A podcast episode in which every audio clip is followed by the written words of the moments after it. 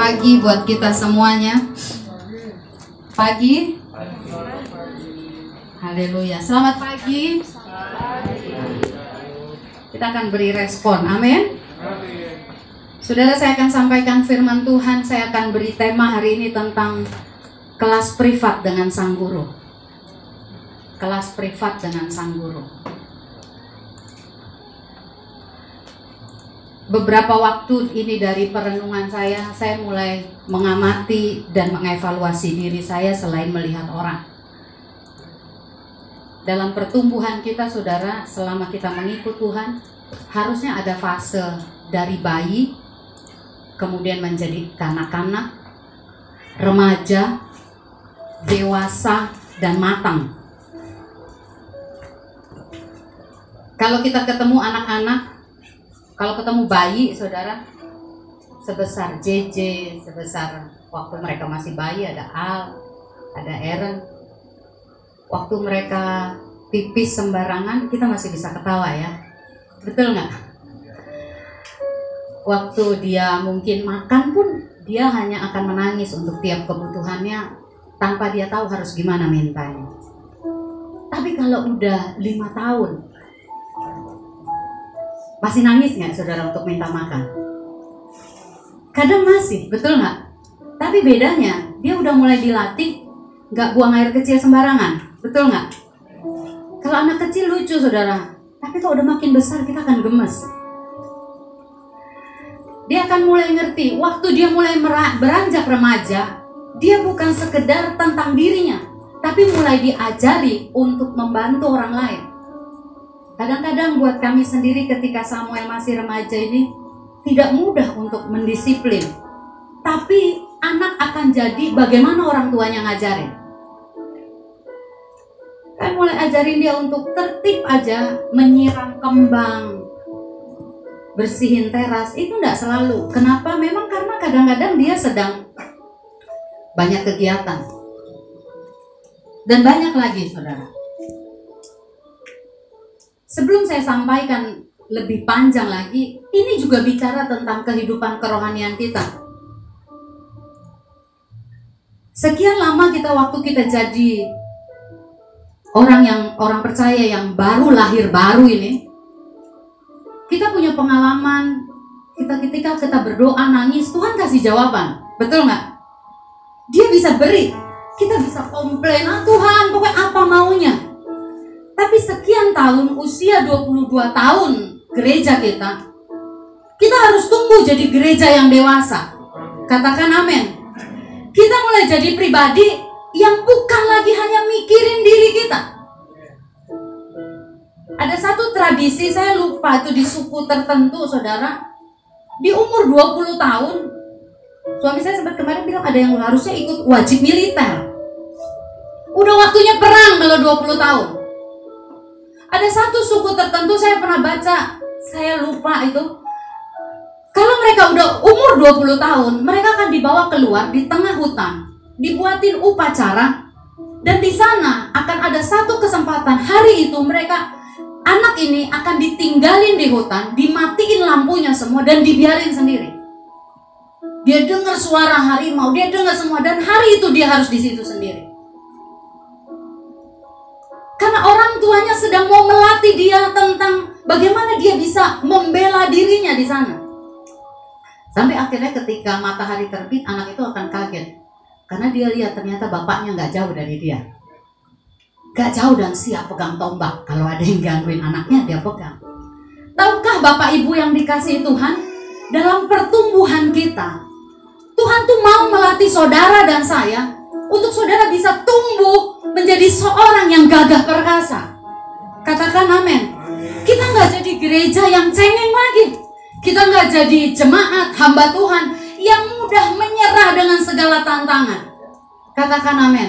Sampai nanti kita akan Kenapa saya kasih judul kelas privat dengan sang guru?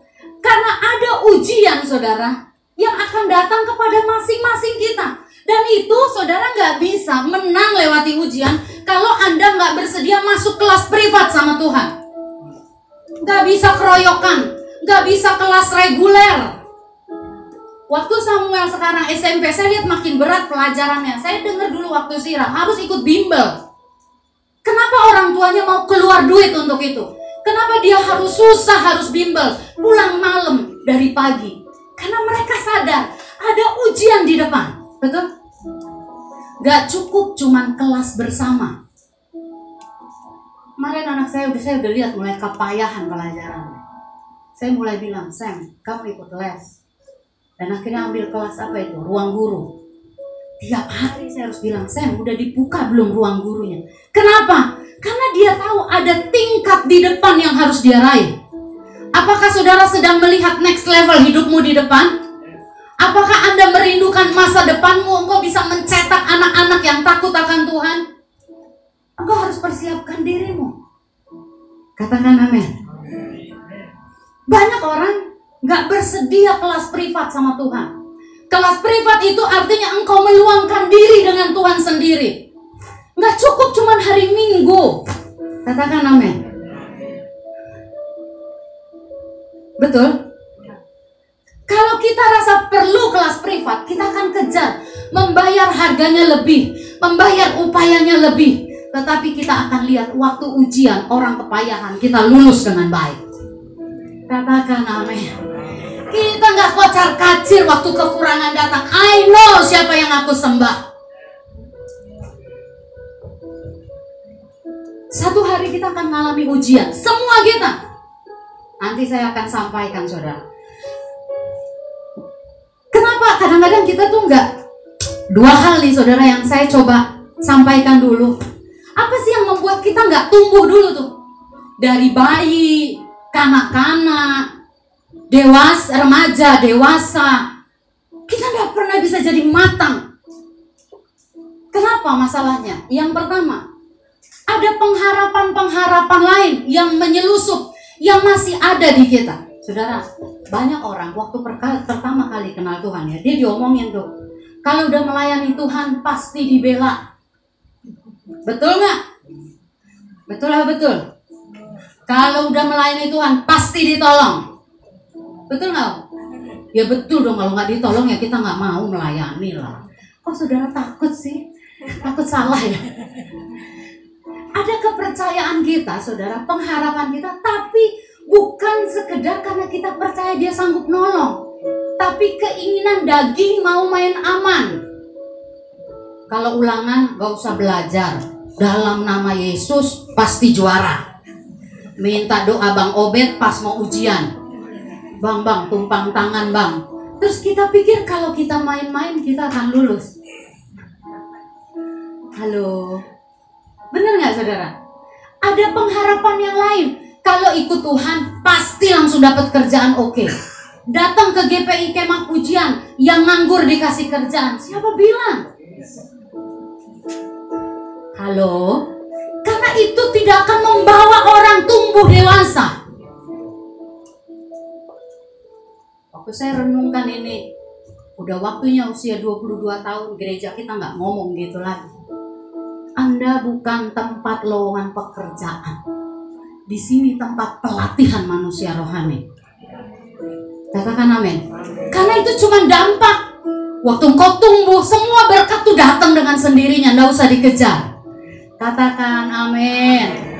Jadi waktu cari jiwa jangan bilang datang ke gereja kami nganggur dapat kerja. Kalau datang ke saya, saya bilang aku nggak pernah janji, tagih sama yang janji. Katakan haleluya. Ada saudara kepercayaan-kepercayaan. Kita bilang kalau melayani Tuhan pasti dibela. Saya mau bilang begini, saudara. pasti dibela. Tapi engkau akan lihat nanti ada peperangan yang harus kita jalani. Coba bilang sama-sama saya, nggak ada peperangan, nggak ada kemenangan. Kalau saya nggak peperangan rohani, saya nggak bisa nikmati kemenangan. Amin. Nggak bisa orang yang berjuang dengan orang yang santai dapat sama. Kalau kanan kirinya bilang nggak bisa ternyata. Ada lagi gini saudara. Orang berpikir kalau udah melayani aktif di gereja nggak ada percideraan. Katakan haleluya. Ada pikir nggak ada gosip. Ih kan udah bertobat semua Masalahnya orang yang bertobatnya masih kambuhan. Halo, betul? Kalau Anda di gereja masih ngalami percideraan, gosip, itu bukan salah orang yang gosipin yang ciderain. Masalahnya kenapa kau masih tercidera? Katakan haleluya. Karena saudara, ini kita tidak ngomongin orang yang melakukan, tapi kita sedang membicarakan pertumbuhan kita masing-masing. Katakan amin. Makanya orang nanti akan saudara, dia nggak masuk kelas privat, gampang kecewa. Kecewa. Bukan masalah orang yang ngecewain, tapi kenapa kekecewaan masih bisa masuk? Kenapa masih bisa kecewa? Makanan apa itu? Kenapa masih disantap? Yang pertama, saudara, apa yang membuat orang gak tumbuh? Karena ada pengharapan-pengharapan lain masih ada di hatinya. Ikut Tuhan pasti gajinya gede. Lu datang telat terus ke kantor gak bakal naik gajinya. Katakan haleluya. Kalau ikut Tuhan udah didoain, udah main musik ya kak, nilainya bagus, oh nggak ngulang pelajaran. Udah bahasa roh, kalau mau ulangan puasa puasa, lu udah pernah dipelajari nggak bakal.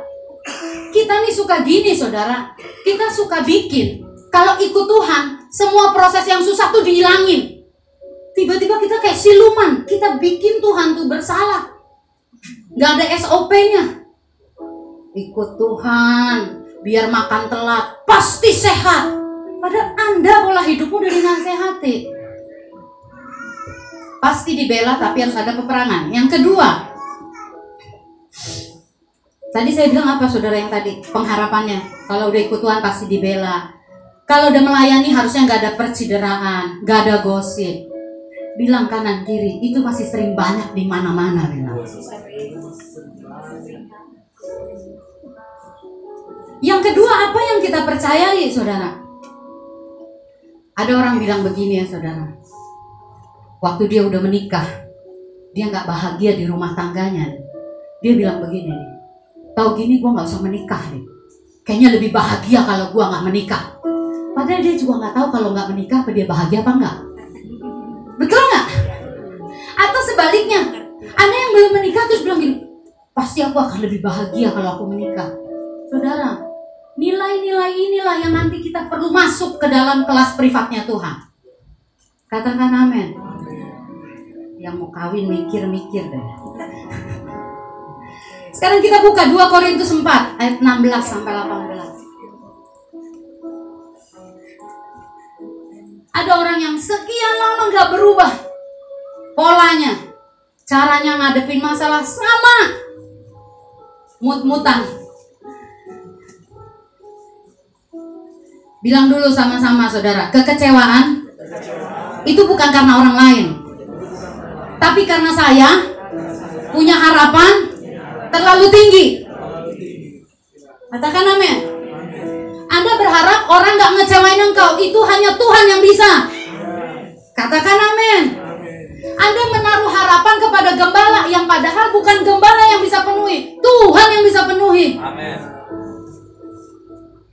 Kita harus tempatkan proporsinya. Doa saya cuma satu, saudara belakangan ini saya cuma bilang, saya nggak ngomong yang rukun, yang harmonis, enggak. Yang pertama-tama ada jemaat yang membangun dirinya, yang serius, yang nggak ngomong lagi soal satu teduh, tapi membangun dirinya. Kadang-kadang saya pikir gini ya saudara, banyak orang ikut Tuhan itu materialistis, cuma mau enak, biar diberkati.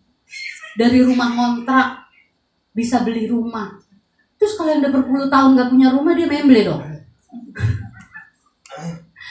itu pengharapan-pengharapan dari daging. Katakan amin. 2 Korintus 4 saya jemput kita semua bangkit berdiri. Salah nggak berharap? Nggak salah. Tapi anda harus harus taruh pengharapanmu tuh di bawah kaki Kristus. Yang nomor satu engkau harus punya pengharapan bahwa kebahagiaanmu adalah hidup yang kekal bersama dengan dia. Itu jauh di atas segala-galanya. Yang udah kuliah selesai wisuda ngarep gajinya naik. Nggak naik gigit jari. Lihat yang baru lulus dong. Kalian udah lama lulus gak ditengok. Apalagi yang belum lulus. Katakan amin. Saudara saya berdoa supaya waktu firman ini ditabur kita tuh dicelikan mata batin kita. Kita akan melayani all out bukan karena fasilitas tapi karena dia patut untuk kita layani. Amin. Saudara kita akan bisa menginjak kaki kita, menyakiti kita, menciderai kita, menggosipkan kita, tapi itu nggak akan menyentuh kita. Orang akan bilang, kok lu bisa gitu? Nggak tahu. Gue udah dapet ilmunya di kelas privat, Bo. Udah selesai sama Tuhan. Bahkan Anda akan bisa memberkati. Kata, katakan amin. Kalau Anda mau bilang begini nih ya, aku kalau saya kadang-kadang suka ada pertemuan pemimpin kelompok atau apa pun, cerita iya saya doa jam segini jam segitu. Saya dalam hati saya cuman begini, lu boleh ngomong tinggi doa, tapi reaksimu itu yang menentukan. Kelihatan. Kelihatan, katakan kelihatan. Anda bilang udah berdoa, tapi Anda bisa pahit. Something itu yang salah dalam diri. Kelas privat ini nanti kita belajar dalam sama Tuhan diimun sama Tuhan di situ. 2 Korintus 4 ayat 16 sampai 18. Dua ya.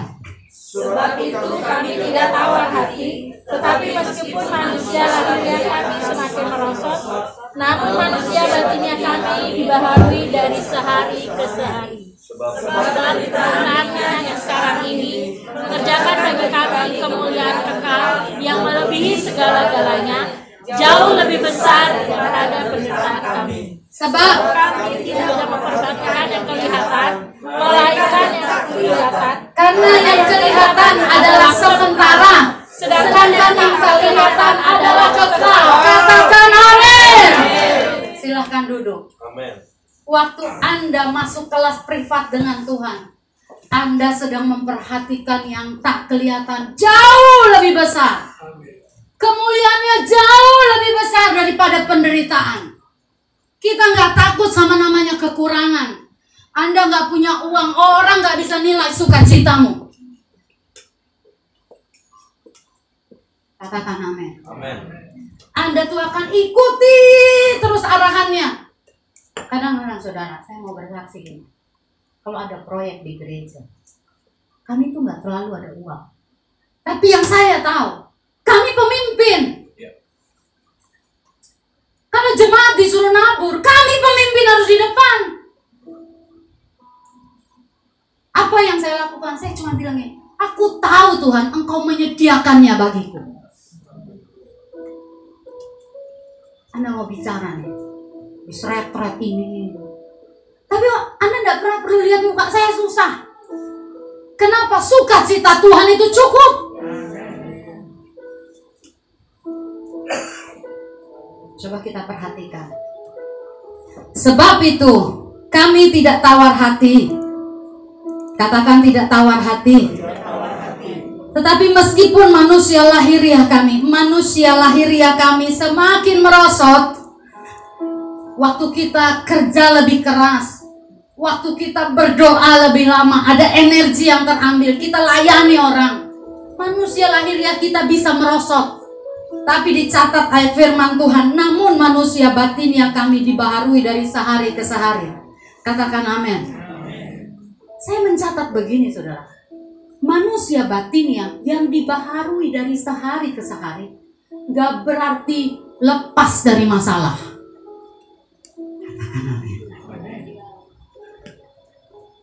Manusia batinnya mu dibaharui dari sehari ke sehari bukan berarti orang selalu ngerti kita.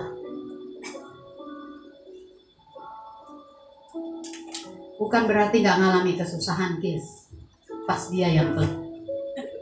Katakan amin. Saudara, ingat kisah Elia melayani Tuhan. Saya percaya Elia pasti memperbaharui manusia batinnya. Tapi ada satu titik seorang pribadi yang melayani ngalami kuasa Tuhan melihat ngalamin lewat dia kuasa Tuhan dikerjakan ada di satu titik mau bunuh diri. Jangan pernah bilang, saudara, kita kebal sama semuanya. Waktu kita bilang, enggak, aku bisa. Pintumu untuk setan terbuka, menyerangmu. Musa, segitu lembut hatinya. Tapi di satu titik, nggak diizinkan masuk ke negeri perjanjian. Cuma ngeliat. Saya ngomong gini bukan buat nakutin saudara. Tapi ini waktunya kita tahu, Tuhan punya aturan untuk semuanya. Katakan amin.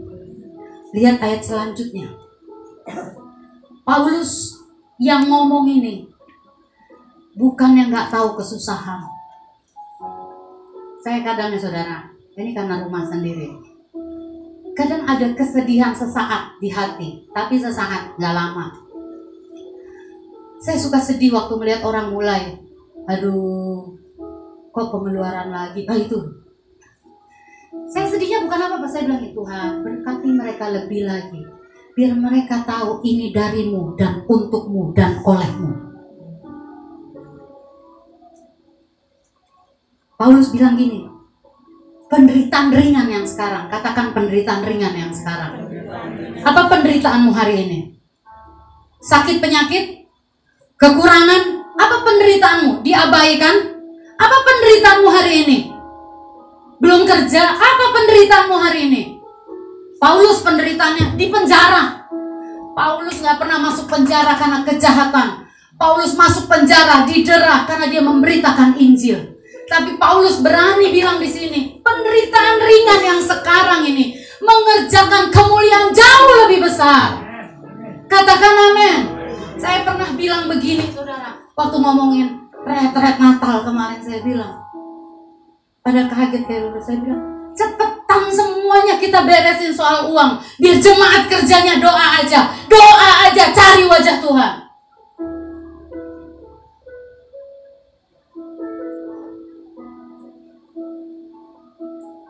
berdoa, saya bilang, Tuhan, berkati aku yang banyak. Mungkin buat orang bilang, ini hamba Tuhan materialistis. Enggak. Saya cuma bilang begini kalau ada kebutuhan di rumah Tuhan cukup satu dua orang yang nutup beres. Yang lain doa cari wajah Tuhan karena itu lebih mulia. Paulus bilang begini ini cuma ringan dicambuk ringan di penjara ringan Paulus itu orang terhormat Bapak Ibu Paulus bukan orang yang tersisi Paulus itu dihormati tapi karena Kristus, karena Injil dia dihina. Tapi dia bilang penderitaan yang ini ringan. Katakan amin. Lihat lagi saudara. Sebab kami tidak memperhatikan yang kelihatan, melainkan yang tak kelihatan. Karena yang kelihatan adalah sementara. Bukankah kita lebih sering susah hati kita karena yang kelihatan? Betul nggak? kita lebih sering susah melihat manusia yang kelihatan ya daripada yang tak kelihatan. Bener nggak sih? Apa saya doang? Kita lebih susah main kelihatan. Yang kelihatan tuh apa? Tanggal jatuh tempo. Kelihatan banget kan itu. Kita susah banget nih. Apa yang akan membuat kita bisa mengalami kemenangan dan masuk ke ruang itu dengan rela? waktu engkau memperhatikan yang tidak kelihatan. Katakan amin. Karena semua akan mengalami ujian. Kenapa saya bilang harus ada kelas privat? Karena proses pembentukan itu itu memerlukan kerelaan melepaskan semua harapan. Bersedia diajar dan itu nggak cukup masuk kelas reguler. Katakan amin. Katakan amin ujian akan datang. Sama-sama bilang ujian akan datang. Tepuk dadamu bilang ujian akan datang padaku. Saudara ujiannya apa? Ujian kekecewaan. Ujian kekurangan. Ujian apa? Yang didoain dari tahun dari Januari 2019 sampai November belum terwujud. Ujian tuh. Ujian apa lagi? Ujian ditinggalkan sendiri. Ujian. Saudara, saya mau kasih tahu ya. Ada waktunya Setiap anak-anak harus dibawa naik. Ada waktunya kau cari pemimpin kelompok kecilmu dan kau nggak punya waktu ditemui. Tuhan bisa lakukan saudara. Pemimpin kelompok kecil tuh bisa. Anda hubungi itu teleponnya hang. Anda cerita dicuekin. Katakan haleluya. Akan ada waktunya Anda cari Pak Gembala. Nggak pernah tersedia dia. Sekalipun di mimbar pernah bilang, kalau ada apa-apa segera hubungi saya. Tapi Roma 8 ayat 28 berkata, Allah bekerja di dalam segala sesuatu untuk mendatangkan kebaikan. Tahukah Anda, Tuhan rindu Anda hadir di kelas privatnya. Tuhan nunggu engkau tiap hari. Dan di sana dia akan kasih tahu bahan ujianmu. Saya mau sampaikan saudara, kenapa perlu masuk ruang privat? Semua tokoh Alkitab kita pernah mengalami masa kesendirian anda mau bilang siapa? Siapa yang pernah Anda catat? Paulus. Paulus pernah mengalami kekurangan, katakan kekurangan. Makanya di satu ayat dia berkata begini, aku tahu kekurangan, aku tahu kelimpahan. Lagi banyak duit nih, nggak sibuk liburan dia. Katakan amin. Anda jangan bersalah ya kalau yang habis liburan. Saya cuma mau bilang begini, karena Paulus ngerti kesukaannya adalah Kristus.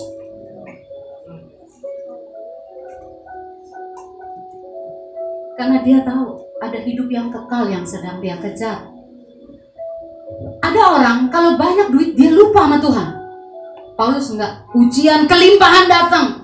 Banyak orang kasih korban persembahan sama Paulus. Paulus enggak gelap mata. Tapi ada di masa pelayanan dia ditinggalkan sendiri dia nggak pernah patah di sana. Katakan amin.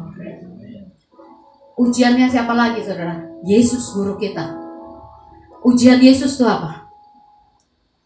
Kalau Anda baca kitabnya di Injil, waktu dia menghadapi salib di Taman Getsemani, Yesus tuh udah setengah mati tuh di situ. Ingat dia bukan hanya Allah 100%, dia manusia 100%.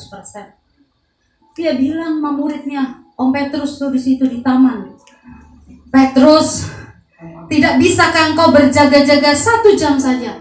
Petrus tidur di situasi yang paling berat di hidup Yesus. Itu perjalanan paling berat. Tapi murid pun tidak mendampinginya. Makanya saya mau bilang, saya menguatkan diri saya. Saya bilang sama suami, siapa bilang anak selalu ada buat orang tua? akan ada waktu Roma 8:28 berkata, dia mengatur segala sesuatu untuk mendatangkan kebaikan. Ada waktunya Amang berharap sama anak. Anak nggak ada. Di situlah kita masuk ruang privat dan berkomunikasi dengan Tuhan. Apa sih tujuannya harus ada ruang privat? Karena kau harus tahu Allah itu Allah yang pencemburu. Dia suka dicari. Yesus ujiannya. Aduh saudara. Banyak orang pemimpin kelompok kecewa sama anggotanya. Kenapa? Dia mulai bilang, giliran dia ada perlu doain. Gue langsung oke okay, aku doain. Tapi di satu titik aku butuh didoain. Yesus tuh gak pernah minta doain loh sama murid-muridnya. Gak pernah. Di titik perjalanan terberat. Yesus bilang begini, hatiku sangat sedih seperti mau mati rasanya. Tapi murid nggak peduli. Dan Anda harus tahu itu murid inti.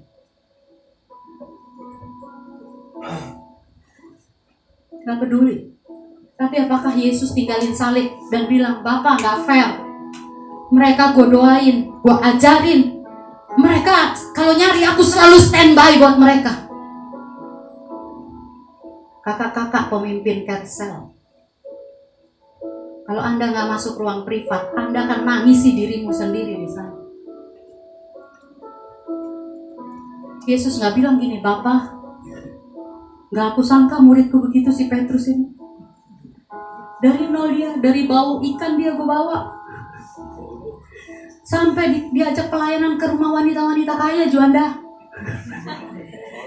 Ya paling nggak kan dikasih makanan enak, ya kan? Nah, udah dikasih segala macam tapi Yesus waktu saya baca ini saudara hati saya kayak diobrak abrik iya Tuhan ya Yesus tuh udah bilang gini berjaga-jagalah, berdoalah untuk aku. Dan tidak ada satu muridku yang doain. Coba salam kanan kiri. Itu Yesus yang kita ikuti, kita bisa juga ngalami bilang. Salam kanan kirinya. Salaman dulu. Ada waktunya. Suami nggak bisa dicari sama istrinya. Waktu istrinya sesak. Di luar service area. Suami lagi meeting. Lagi rapat. Kita udah kesel. Ini saya ngomongin diri saya juga.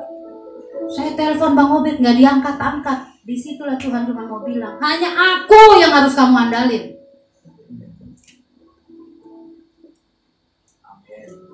Katakan amin. Ujian apa yang lagi datang? Saya akan ajak kita lihat satu ujian juga. Ayub ujiannya apa? Kehilangan. Habis. Yang ajaibnya buat saya, ujian Ayub. Ditinggalin satu-satunya harta yang terbaik yang dia punya. Itu namanya tante Ayub. Kenapa Tuhan gak sisain anak yang manis? Kenapa Tuhan gak sisain anak yang sayang, yang care sama bapaknya? Saya mikir, kenapa ya yang Tuhan sisain istrinya yang belum bertobat itu?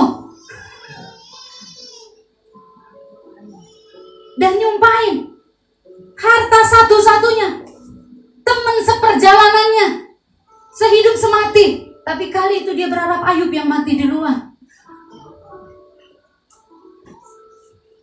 Saudara, dengarkan, perhatikan sama-sama. Akan ada waktu di mana ujian datang buat kita. Harapan pribadi harus dilepas yang daging. Dan di sana hanya ada engkau dengan Tuhan. Hanya ada engkau dengan Tuhan. Yang saya mau kasih unjuk lagi satu lagi. Satu contoh dari 1 Samuel 30. Haleluya.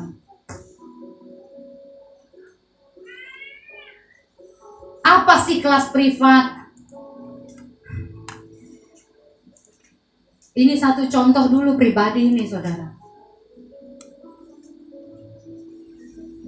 Makanya kalau ada orang cerita dia kecewa, doa saya cuma satu, Tuhan bawa dia masuk di kelas privatmu Tuhan.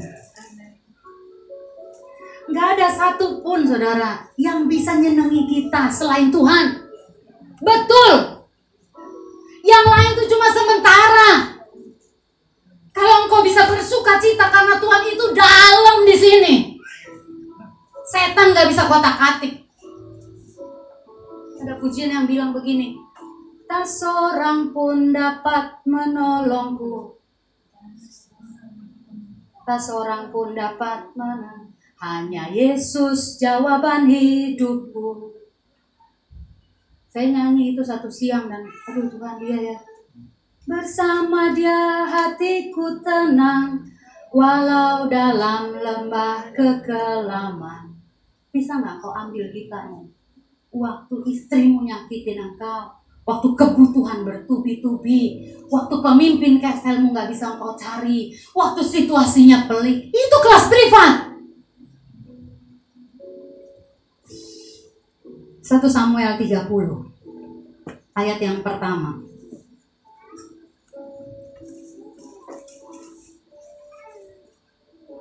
Semua contoh yang saya sampaikan tadi, mereka orang yang punya kelas privat sama Tuhan. Katakan amin. Kalau engkau nggak suka dengan kelas privat, pasti engkau Kristen materialistis. Saya maaf saudara, mohon maaf. Saya bukan menghakimi.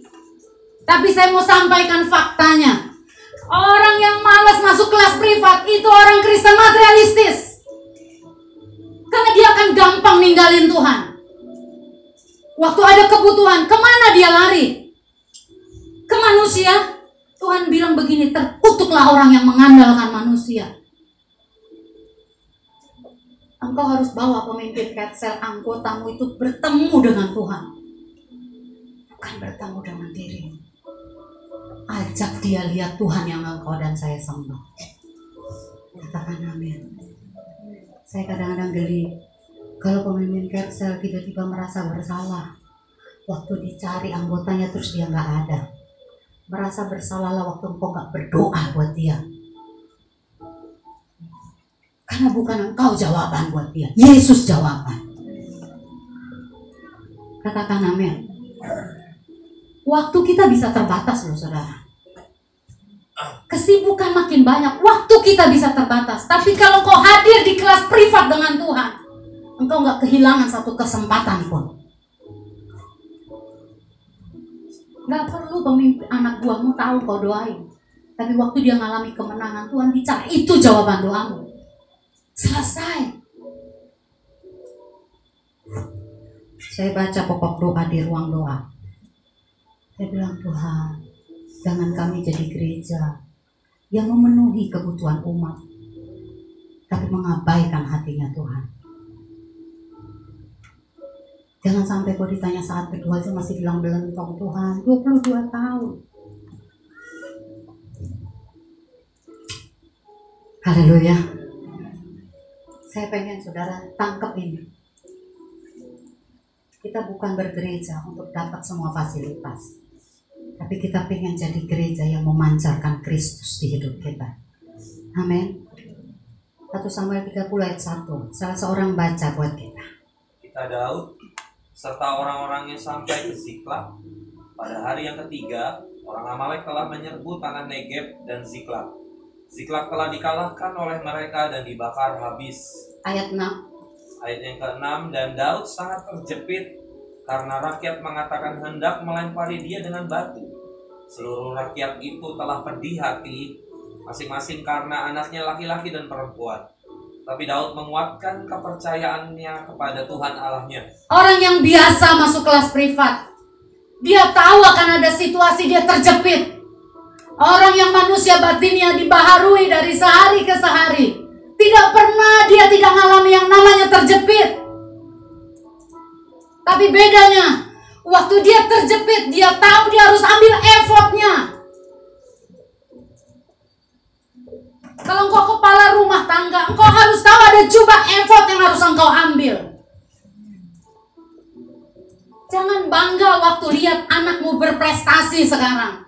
Lihatlah kita sedang berperang. Lihat ada dunia yang akan merampok anak kita kalau kita nggak pakai effort kita. Jangan puas waktu anggota kelompok kecilmu naik posisi kerja. Dengerin, sesaat dicaplok pekerjaanmu habis kau. Saya ngobrol. Di satu perenungan gini. Waktu Pak Robert khotbah tentang si bungsu yang minta warisan. Saya bilang gini, kenapa bapak itu kasih ya warisan sama anaknya? Bungsu itu kan karakternya udah kelihatan. Nggak mungkin dia berfoya-foya sama pelacur-pelacur dan bapaknya nggak tahu. Nggak mungkin kalau dia gaul di gereja terus terus dia foya-foya sama pelacur. Pasti sebelum dibagi warisan dia udah sering main juga, betul nggak? Ini bayangan saya sekarang. Terus saya mulai dalam perenungan saya saya mikir, kenapa bapak tetap kasih sih warisannya? Sampai saya dapat pengertian begini, saudara Bapak itu pasti nasehatin anaknya, pasti. Diomongin, jangan begini nak, jangan begini. Tapi kenapa dikasih? Karena bapak nggak pernah nahan apa yang jadi jatah anaknya. Dikasih jatahnya. Itu yang namanya berkat bisa menghancurkan. Apa enggak nggak ada nasehat? Ada nasehat. Tapi kapan si bungsu itu ingat nasehat bapaknya? Di kandang babi. Saat dia nggak bisa makan ampas makanan babi, di situ nasihatnya baru rema. Saya bilang gini, Tuhan, kami mau jadi hamba Tuhan yang tetap menasehati. Tapi kalau itu harus jadi rema di kandang babi, itu keputusan orang. Haleluya. Sebaiknya kita bisa melakukan nasihat di tempat tidur kita waktu pagi, kita ingat mengambil kelas privat. Saya ketemu orang-orang, karirnya naik, lupa sama semuanya. Begitu habis menjerit pasti cari kita. Saya bukan senang saudara, justru sedih. Kenapa kamu nggak dengar-dengaran waktu kamu di atas? Kamu nggak perlu alami susah payah. Betul nggak? Tapi banyak kita orang tua, bapak-bapak, ibu-ibu, orang tua. Kadang kita harus rela kasih yang jadi jatah anak. Gak usah rasa menyesal, tapi lakukanlah yang benar. Daud terjepit, katakan terjepit. Daud nih perang. Kalau perang ngasilin jarahan, rakyatnya senang. Katakan amin. Tapi hari itu dia ngajak semua pergi perang. Kotanya dihabisi.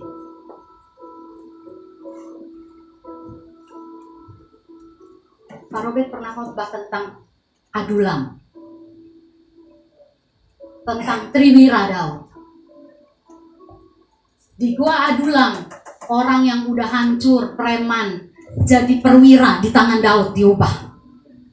Tapi di Ziklag, Triwira ini nggak bela Daud sama sekali. Saya baca ayat yang ketujuh. Ayat 6. Dan Daud sangat terjepit karena rakyat mengatakan hendak melempari dia dengan batu. Kenapa Daud nggak batalin dia jadi raja? Gua nggak usah jadi raja deh. Begini cara kalian. Daud nggak jadi batalin dia. Dit nggak ngadep abang. Nggak jadi yut lagi deh bang. Anaknya susah-susah. Kayaknya kasih karunia aku nggak di sini. Aku mungkin sama oma-oma kasih karunia. Haleluya. Saudara di kerjaan kita, kadang-kadang Tuhan izinkan kita tuh dijepit. Ini nggak cuma ngomong gereja, dijepit. Ya. Kita udah lakukan yang benar, kita bisa difitnah. Tapi reaksimu menunjukkan apakah engkau hadir di kelas privatmu dengan Tuhan. Kau bisa beri jawaban yang tetap manis. Engkau bisa tetap damai sejahtera. Kenapa? Engkau sudah hadir di ruang privatmu sama Tuhan. Ayat yang tujuh, saya baca. Lalu Daud memberi perintah kepada Imam Abiatar bin Ahimelek, bawalah efod itu kepadaku. Maka Abiatar membawa efod itu kepada Daud. Daud nggak ngajak triwiranya untuk menyembah Tuhannya. Daud ngerti, triwiranya juga bingung. Saya kebayang saudara, ini seperti GPI kemah pujian ada tim manajemennya. Jemaatnya udah kecewa, keputusan gembalanya salah nih. Tapi tim penggembalanya tahu sebenarnya nggak salah, tapi bingung nenangin orang udah pada histeris. Tapi Daud, Daud lanjutkan perjalanannya. Dia ambil effort dan dia tetap memenangkan pertarungannya. Beri tepuk tangan dulu saudara. Saya berdoa firman ini, saudara digugah. Biarlah manusiamu yang melahirinya sekalipun merosot, tetaplah setia memperbarui manusia batinnya. Modalnya cuma satu kalau kau mau hadir di kelas privat itu. Taat dan setia. Taat dan setia. Katakan taat dan setia. Perhatikan yang gak kelihatan. Kemenangan di panggung ini saudara. Kemenangan engkau di panggung kehidupanmu. Ditentukan oleh kemenanganmu di kamar doamu. Saya tidak pernah saudara bilang begini. Engkau bisa ngomong di hatimu, ah aku cuek-cuek aja, aku lebih banyak duitnya, aku lebih tinggi jabatannya di kantor. Lihat pondasimu nggak kokoh sesaat habis. Tapi kalau Tuhan yang jadi tumpuanmu, engkau akan tetap kokoh. Katakan amin. Apa yang kau dapat di kelas itu? Engkau akan berjumpa dengan Tuhan dan engkau akan bisa menguatkan kepercayaan. Kelas privat dengan sang guru adalah kelas di mana engkau mengabaikan sekelilingmu. Kelas privat dengan sang guru adalah engkau kelas engkau mengabaikan sekelilingmu, mematikan handphonemu, mengabaikan banyak WA, dan di sana engkau menghadapkan dirimu sama Tuhan. Aku lagi kesal Tuhan, aku marah Tuhan. Bicaralah kepadaku Tuhan. Basuh aku Tuhan. Tuhan tuntun aku. Itu kelas privat. Keluar dari kelas privat, engkau akan bisa menuntaskan banyak. Bahkan engkau bisa bilang gini, mana setan biar gue gebukin.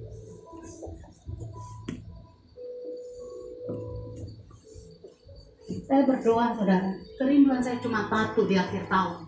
Banyaklah menyembah Tuhan. Banyak lipat lututmu. Cium kaki Tuhan banyak-banyak. Sampai gini loh saudara. Kekecewaan tuh kalau datang udah terlambat. Kita udah diimun di kelas pribadi kita. Kecewa datang, dia nggak bisa nyentuh. Udah diimun, udah full. Kekurangan datang. Orang nggak perlu tahu, engkau tetap full of joy. Kau akan lihat deh, Tuhan tuh bersuka karena kita.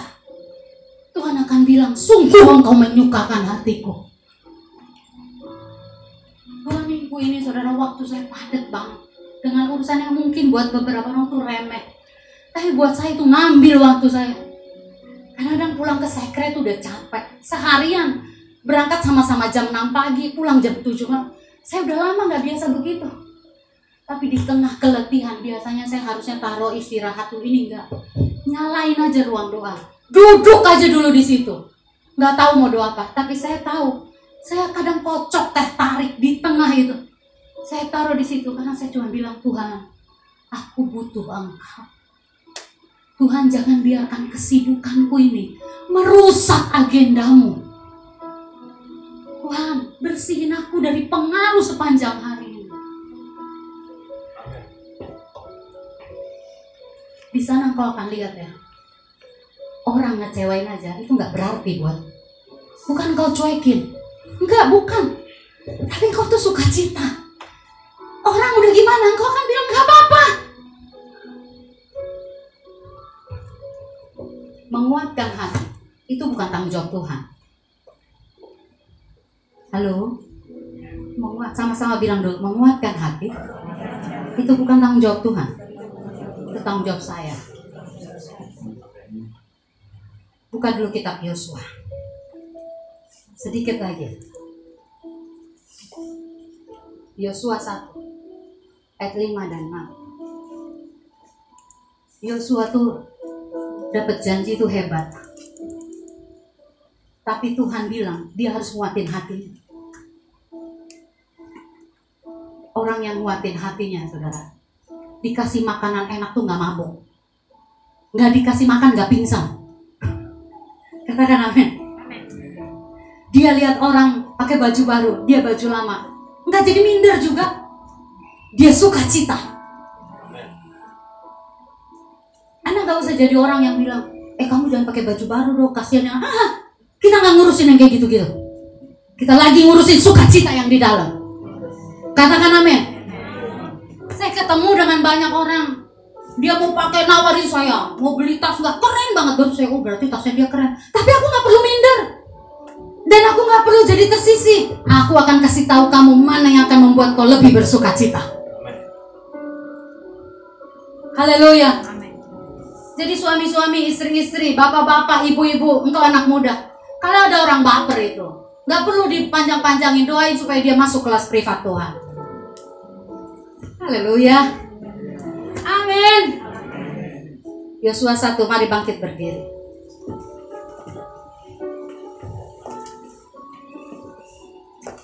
Tuhan tuh nggak akan tahan yang jadi jatah kita. Setan yang suka nahan. Makanya perang. Makanya masuk ruang privat. Dikasih tahu nanti. Saudara, saya kadang mau bilang begini ya, kadang. Jangan Anda lebih kenal suara orang tuamu daripada suara Tuhan. Kalau Mas Adit yang nelpon, iya Mas Adit. Ya. Tapi kalau Roh Kudus yang nyuruh, ditengking. Bapak Robert yang ngomong, iya bang, kata abang, Anda harus tahu kata Tuhan. Dan pemimpinmu nggak akan serong dari Tuhan. Kalau engkau biasa dengar kata Tuhan, pemimpinmu serong, engkau bisa berdoa, bisa ngasih tahu. Amin. Laura ya? Enggak ya? Kayak tegang ya, Oma enggak kan Oma?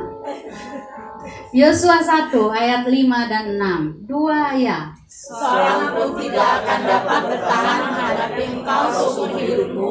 Seperti aku menyertai Musa, demikianlah aku akan menyertai engkau. Aku tidak akan membiarkan engkau dan tidak akan meninggalkan. Stop dulu, janjinya hebat nggak? Tuhan bilang, Yosua jangan takut dibandingin sama bangsa ini. Dia gantiin Musa loh. Musa yang ngebelah laut. Siapa yang sanggup gantiin Musa? Kalau satu hari Bang Obed berangkat, saya juga nggak sanggup disamain. Orang beliau sabar banget. Ada kan bilang, kalau abang begini, wah itu menyakitkan itu dibandingin. Yosua dibandingin sama Musa, nggak ada banding. Masih muda. Tapi Tuhan bilang, aku menyertai kau. Dia bilang gini, sama seperti Musa. Tuhan bilang gini, kuncinya bukan di Musa Yosua, di aku. Ya. Kalau aku sertai engkau, engkau lebih dari Musa. Amin. Amin. Tapi lihat ayat selanjutnya, Tuhan bilang aku nggak ninggalin engkau. Lihat ayat selanjutnya, dua ya. Kuatkan dan teguhkanlah hatimu, sebab engkaulah yang akan memimpin bangsa ini memiliki negeri yang kujanjikan dengan bersumpah kepada nenek moyang mereka untuk diberikan kepada mereka. Ayat tujuhnya, dua ya. Maka kuatkanlah teguhkanlah hatimu dengan sungguh-sungguh. Stop dulu. Yang nguatin hati Yosua, Yosua apa Tuhan? Yosua. Yang nguatin hati Yosua, Yosua atau Tuhan? Yosua. Yang nguatin hatimu Tuhan atau engkau? saya. Ya. Katakan sama-sama, saya Saya harus menguatkan harus hati saya supaya janji Tuhan genap bagi saya. Amin. Lanjut, bertindaklah Hati-hati sesuai dengan seluruh telah diperintahkan kepadamu oleh hamba Musa. Janganlah menyimpang ke kanan atau ke kiri supaya engkau beruntung ke mana pun engkau pergi. Beri tepuk tangan buat Tuhan. Amin. Silahkan duduk. Saya cuma mau kunci dengan berkata begini. Engkau perlu kelas pribadi untuk peperangan hidupmu masing-masing. Kita perlu masuk kelas privat untuk ujian kita masing-masing. Setiap hari, setiap hari. Enggak cukup sekali. Waktu peperanganmu makin berat, kau akan masuk berkali-kali di sana. Dan di sanalah engkau akan berdiri. Yang disampaikan hari Minggu ini pengantarnya. Kelas reguler umum disampaikan, tapi kelas privat engkau akan dapat kunci-kunci jawaban buatmu. Dan di sanalah engkau akan mengalahkan setan. Hai maut, di mana sangatmu? Kau akan bilang pada kebutuhan, datang aja terus, Tuhanku yang akan mencukupkan. Engkau akan berdiri dengan gagah perkasa. Hanya satu, kuatkan hatimu. Bertindaklah hati-hati sesuai dengan perkataan Tuhan. Jangan nyimpang ke kanan atau ke kiri. Saya sering temukan, saya kadang nyimpang. Itu sebabnya ketika mulai bertubi-tubi datang pekerjaan, aku harus datang dan berkata, Tuhan, bersihkan aku Tuhan. Di apa ya dibilang di tune up, di spuring, balancing kalau mobil. Udah kejauhan kilometernya jalan. Duduk di bawah kaki Tuhan, itulah kelas privat. Di sana Tuhan akan bicara kepadamu. Di sana kadang-kadang dia nggak ngomong banyak, tapi engkau rasakan dia memeluk engkau dan memberi kelegaan. Di sana engkau akan temukan lebih mahal dari permata. Di sana engkau akan terima tongkat otoritas dari. Haleluya. Tutup Alkitabmu.